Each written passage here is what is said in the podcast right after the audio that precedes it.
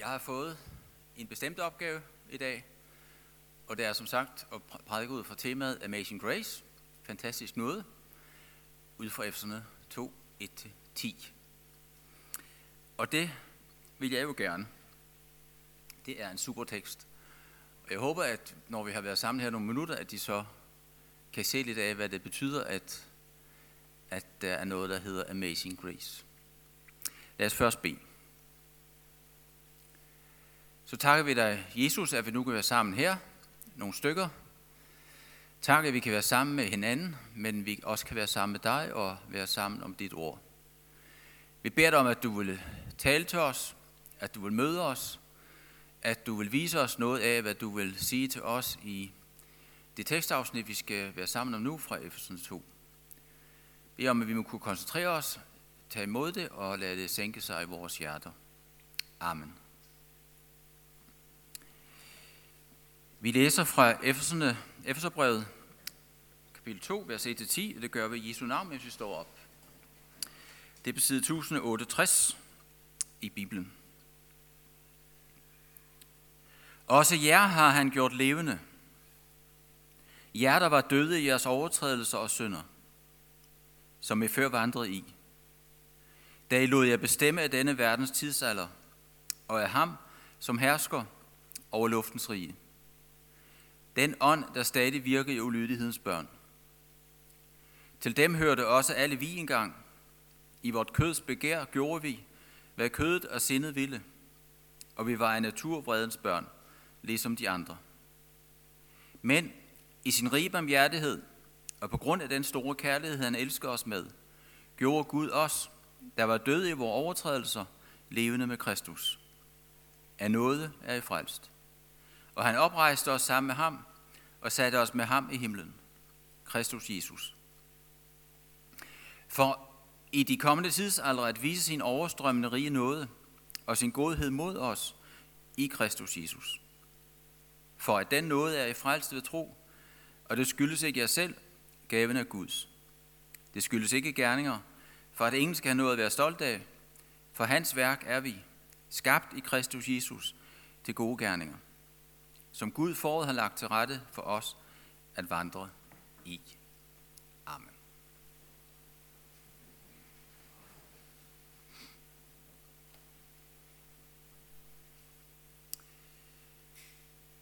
Som mennesker har vi alle en fortid. Mit seneste barnebarn, som i dag er præcis fire uger, har ikke en lang fortid, men han har allerede en fortid.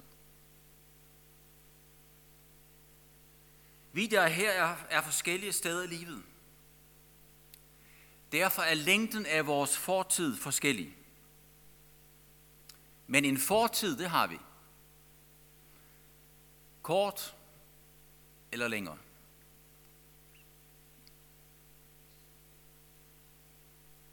Hvordan har du det egentlig med din fortid? Ser du tilbage på din fortid med glæde? Du kan have haft glædelige ting i livet.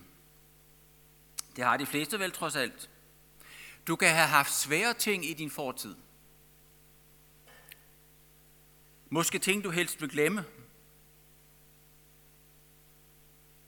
Det har mange af os i virkeligheden nok også nogle af. Nogle har flere svære ting i deres fortid end andre.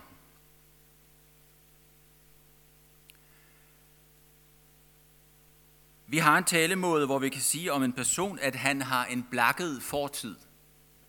En blakket fortid. Det betyder, at vedkommendes fortid er lidt tvivlsom, er lidt broget.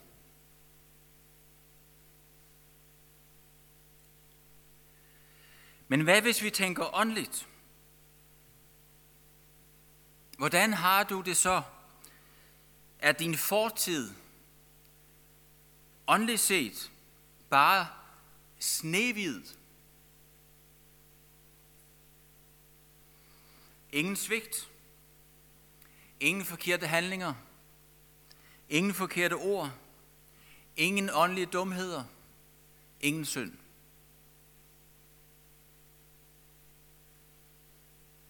Eller kan du godt komme i tanke om, at der var noget her og der,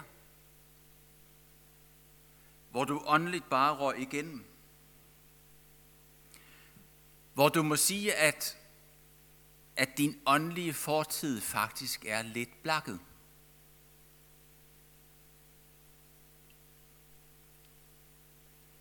Det vi læste her i begyndelsen af Efesens 2, beskriver også vores fortid. En fortid, der ikke bare er åndeligt blakket, men den er åndelig sort.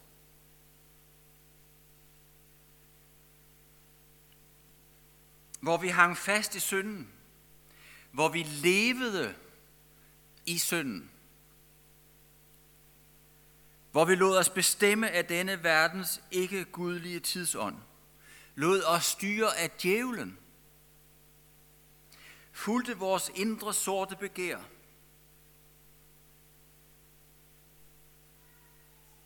Hvad tænker du egentlig, når du hører det? Det er ikke så let at høre, vel?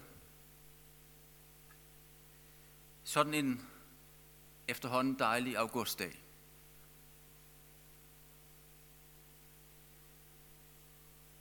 Vi er som mennesker i 2023 ikke opdraget til at tænke så åndeligt sort om os selv.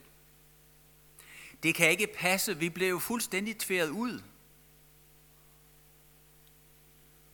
Så sort kan det simpelthen ikke være. Det er hverken rimeligt eller up to date.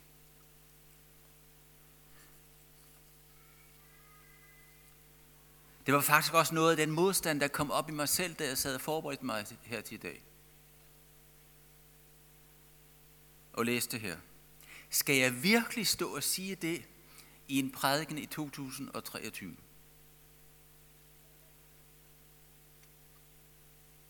Men før du tænder helt af, vil jeg gerne spørge dig, hvad siger din erfaring dig?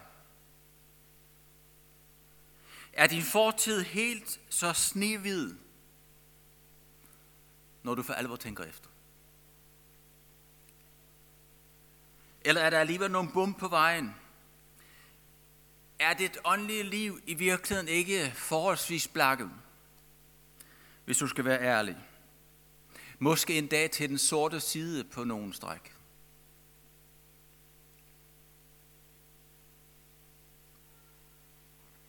Paulus, der skriver det her, han tøver ikke. Sådan som han skriver, sådan er livet uden Jesus. Uden Jesus er vi døde, åndeligt døde. Døde i vores synder. Det vil sige døde i alt det i vores liv, som ikke vil Gud. Uden Jesus er vi, er vi ikke bare sådan pletvis syndere. Vi er ikke bare pletvis syndere, det stikker dybt. Vi er åndeligt døde uden Jesus.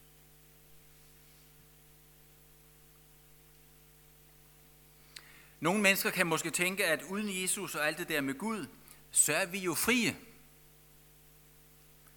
Så er vi frie fra alle moralske krav. Alt det, der binder os og alle mulige andre spændetrøjer. Men det er ikke sandt. Et menneske uden Jesus kan godt opleve sig frit. Det kan det. Det kan godt opleve sig frit. Men det er en blind frihed. I virkeligheden er et menneske uden Jesus bundet til synden. Bundet til det, der styrer den her verden. Bundet til djævlen, bundet hjælpeløst til sig selv og sit eget ego. Lever i virkeligheden med temmelig lavt til loftet.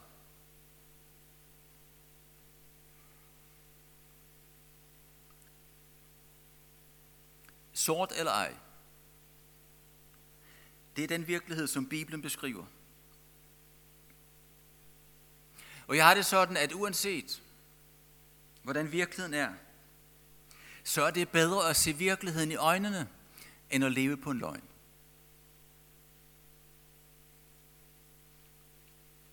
Det er vel noget af det, vi som mennesker kan, frygte, øh, kan være frygte mest. At leve vores liv på en løgn.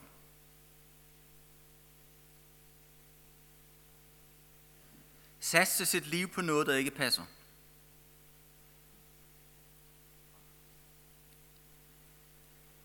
Og så kommer det her i vers 3. Til dem hørte også alle vi engang. Okay, nu strammer han den, ikke? Hørte vi til dem engang?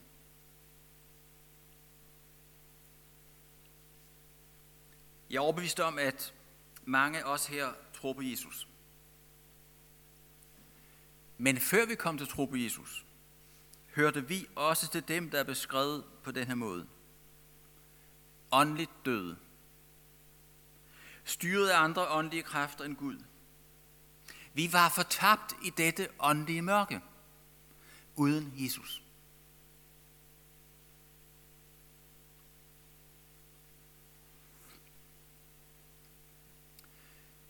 Vi må stoppe.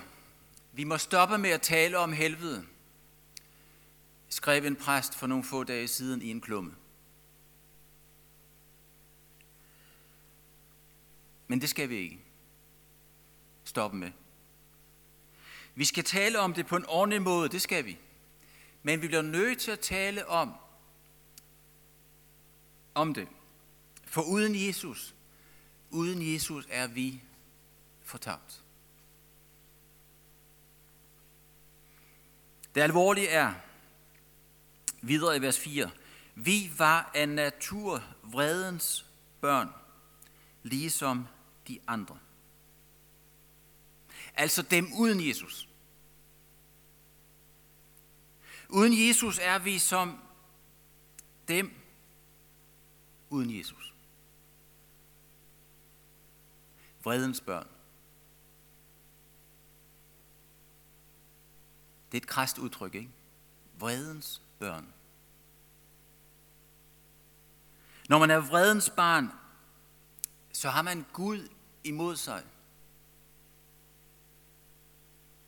Når man er vredens barn, så det er ikke bare Gud, man har imod sig, men man har Guds vrede imod sig. Vredens barn. For uden Jesus står du helt blottet for Gud.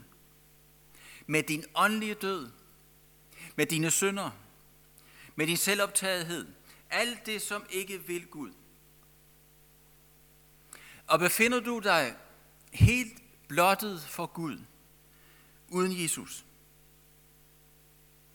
så går det galt. Så er du fortabt. Du har Gud imod dig. Du er under Guds vrede.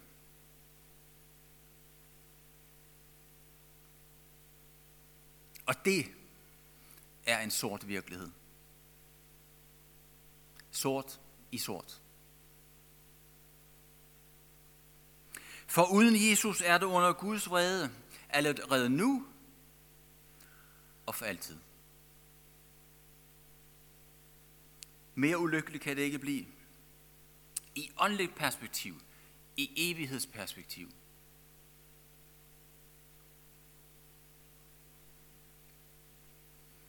Men men det behøver ikke være slutresultatet. Det behøver ikke være slutresultatet. For der er et stort men her i vers 4. Et stort men.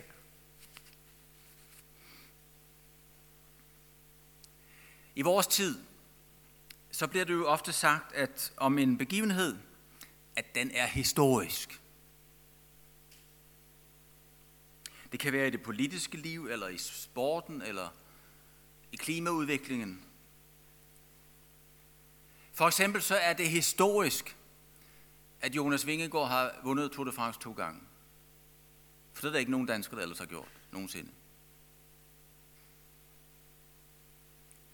Det store men her i vers 4 er virkelig historisk. Det er det største mænd i verden. Efter beskrivelsen af os uden Jesus, så kommer det i vers 4. Men, men i sin rige barmhjertighed, og på grund af den store kærlighed, han elskede os med, gjorde Gud os, der var døde i vores overtrædelser, levende med Kristus. Det er et dramatisk vendepunkt.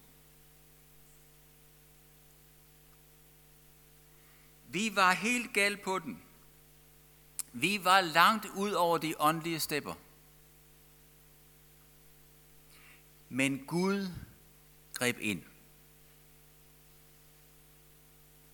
Hvorfor gjorde han det?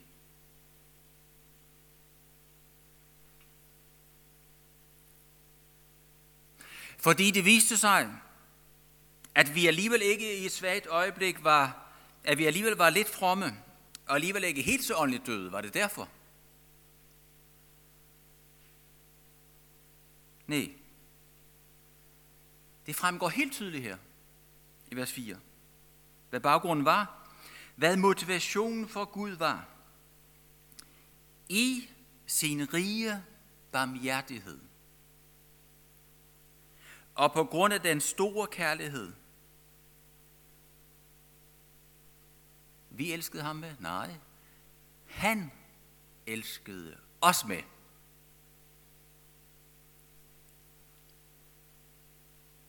Fordi Gud elskede os hverken mere eller mindre.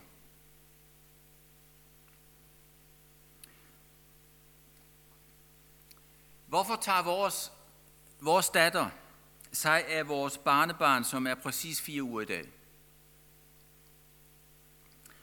Så jeg nævnte tidligere. Fordi den lille fyr bidrager positivt til familien?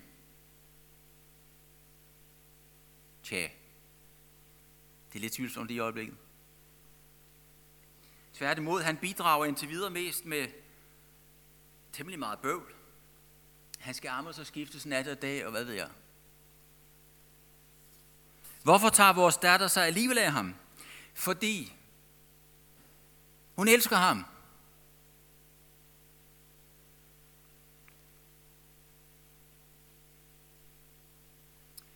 Hun kan ikke levere. Sådan er det.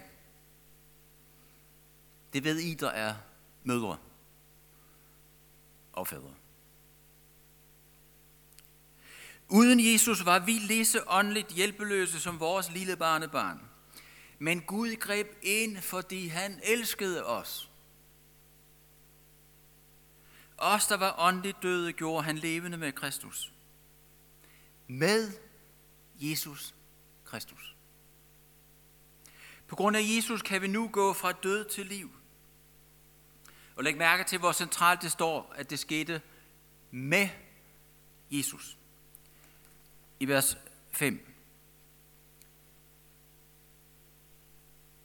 Gjorde Gud os, der var døde af vores overtrædelse, levende med Kristus.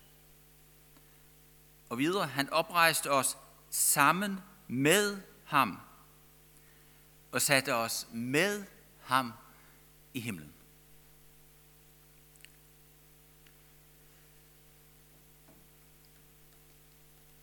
Det store vendepunkt for os sker altså med Jesus.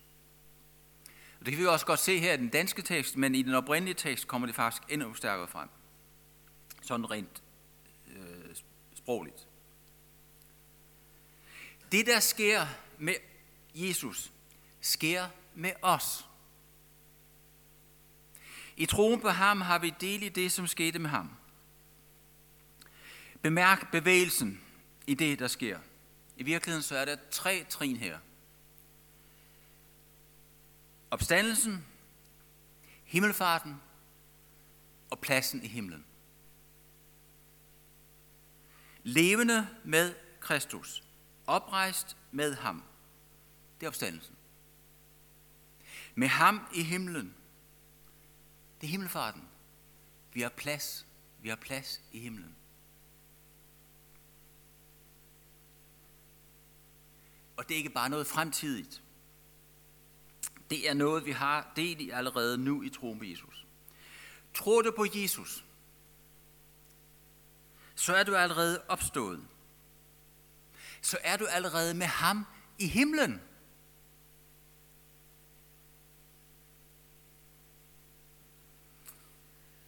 Det er den trosvirkelighed, vi får lov til at leve i. Han har sat os med ham i himlen. I troen på ham er vi i himlen. Så er det sorte og døden forbi. Så har vi del i lyset og livet. I troen på Jesus kan du få lov til at glemme din fortid. Uanset om den er blakket eller kulsort. Du kan få lov til at kigge fremad og glemme alt det i din fortid, som bandt dig. Mørket, synden, djævlen. Du kan sige, som der står i Filipperne 3, 13-14. Men dette ene gør jeg.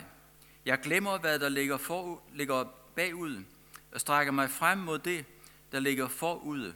Jeg jager mod målet efter sejrsprisen.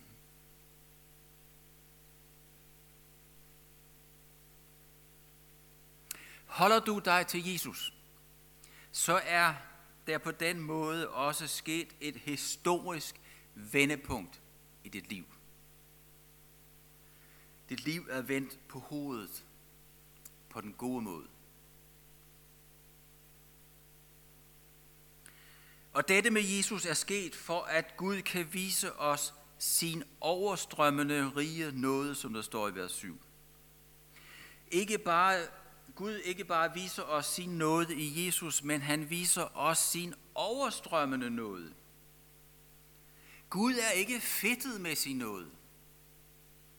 Hans nåde er overstrømmende. Det strømmer ud over. Jeg ser for mig en spand, der bliver sat under en vandhane og bliver fyldt op, og hvor ingen lukker for vandhanen. Hvad sker der? Det ved I alle sammen. Vandet strømmer ud over kanten. På samme måde viser Gud os i Jesus sin overstrømmende nåde. Den bliver ved med at løbe og strømme over. Gud lukker ikke for nådens vandhane. Gud lukker ikke for nådens vandhane i Jesus. Og så kommer vi kommer et, en af de bedste, allerbedste sætninger i, i øh, Bibelen, vers 8. For at den nåde er I frelst ved tro, og det skyldes ikke jer selv, gaven er Guds. Skal vi frelses væk fra at være vredens børn, så sker det ved Guds nåde. Ved at vi tager imod den gave, han giver os i Jesus. Det lille barn tager imod alt fra sin mor, uden at det skal eller kan yde noget til gengæld. Det ligger der bare at tage imod alt. Vi kan tage imod alt, fra vores frel, alt til vores frelse fra Gud, uden at vi skal yde noget til gengæld. Det er kristendommen. Det er evangeliet kogt ned til en bouillonterning. Vers 8. For den nåde er i frelst ved tro, og det skyldes ikke jer selv, gaven er Guds.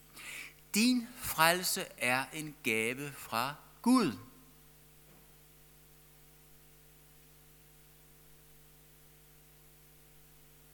Din frelse er en gave fra Gud.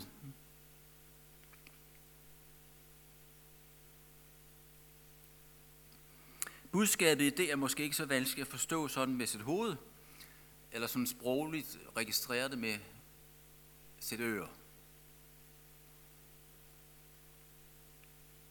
Men sådan som vi mennesker er skruet sammen, kan det være vanskeligt at leve på det. Og leve på det. Og hænge hele sit liv op på det. Hænge hele evigheden op på det. Men det er altså den virkelighed, som Bibelen ruller op for os. Med Jesus har vi fået del i livet. Med Jesus har vi allerede en plads i himlen. I troen på ham er vi allerede med ham i himlen.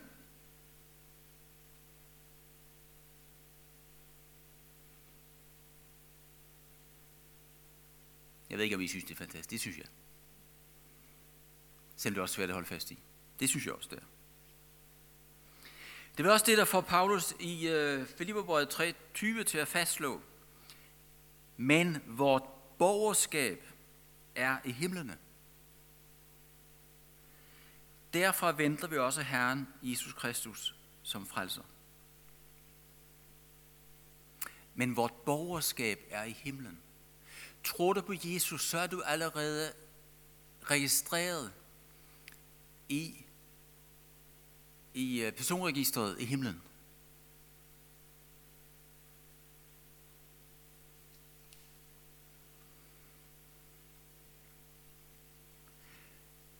Du behøver ikke henvende dig i borgerservice i himlen. Du er allerede indskrevet i folkeregistret. Dit borgerskab er i himlen. Din frelse skyldes ikke dig, men skyldes alene Jesus.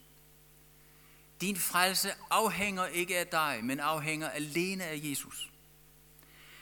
Din frelse kommer ikke af, at du giver gaver til Gud, men alene af, at Gud giver dig en gave. No wider. Afhænger af, at Gud giver dig en gave.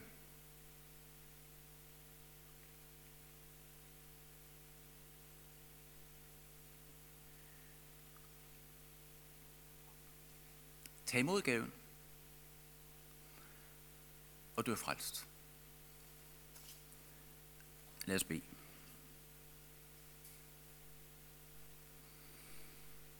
Vi takker dig, Jesus, at vi med dig er blevet gjort levende. At vi med dig har en plads i himlen. Tak, Jesus, at vi i tro på dig allerede har borgerskab i himlen. Tak, Jesus, at du er Guds gave til os som vores frelser. Tak, at vi bliver frelst af noget, uden at vi skal give noget som modydelse. Vi beder om Jesus, at vi må holde fast i det, når vi alligevel begynder at bilde os alle mulige andre ting ind. Men at vi må holde fast i, at vi er frelst af noget, fordi det er din gave til os. Tak, Jesus, at du på den måde har vendt op og ned på vores liv. På den gode måde. Giv du os troen på det. Giv du, at vi kan holde fast i det, Jesus. Amen.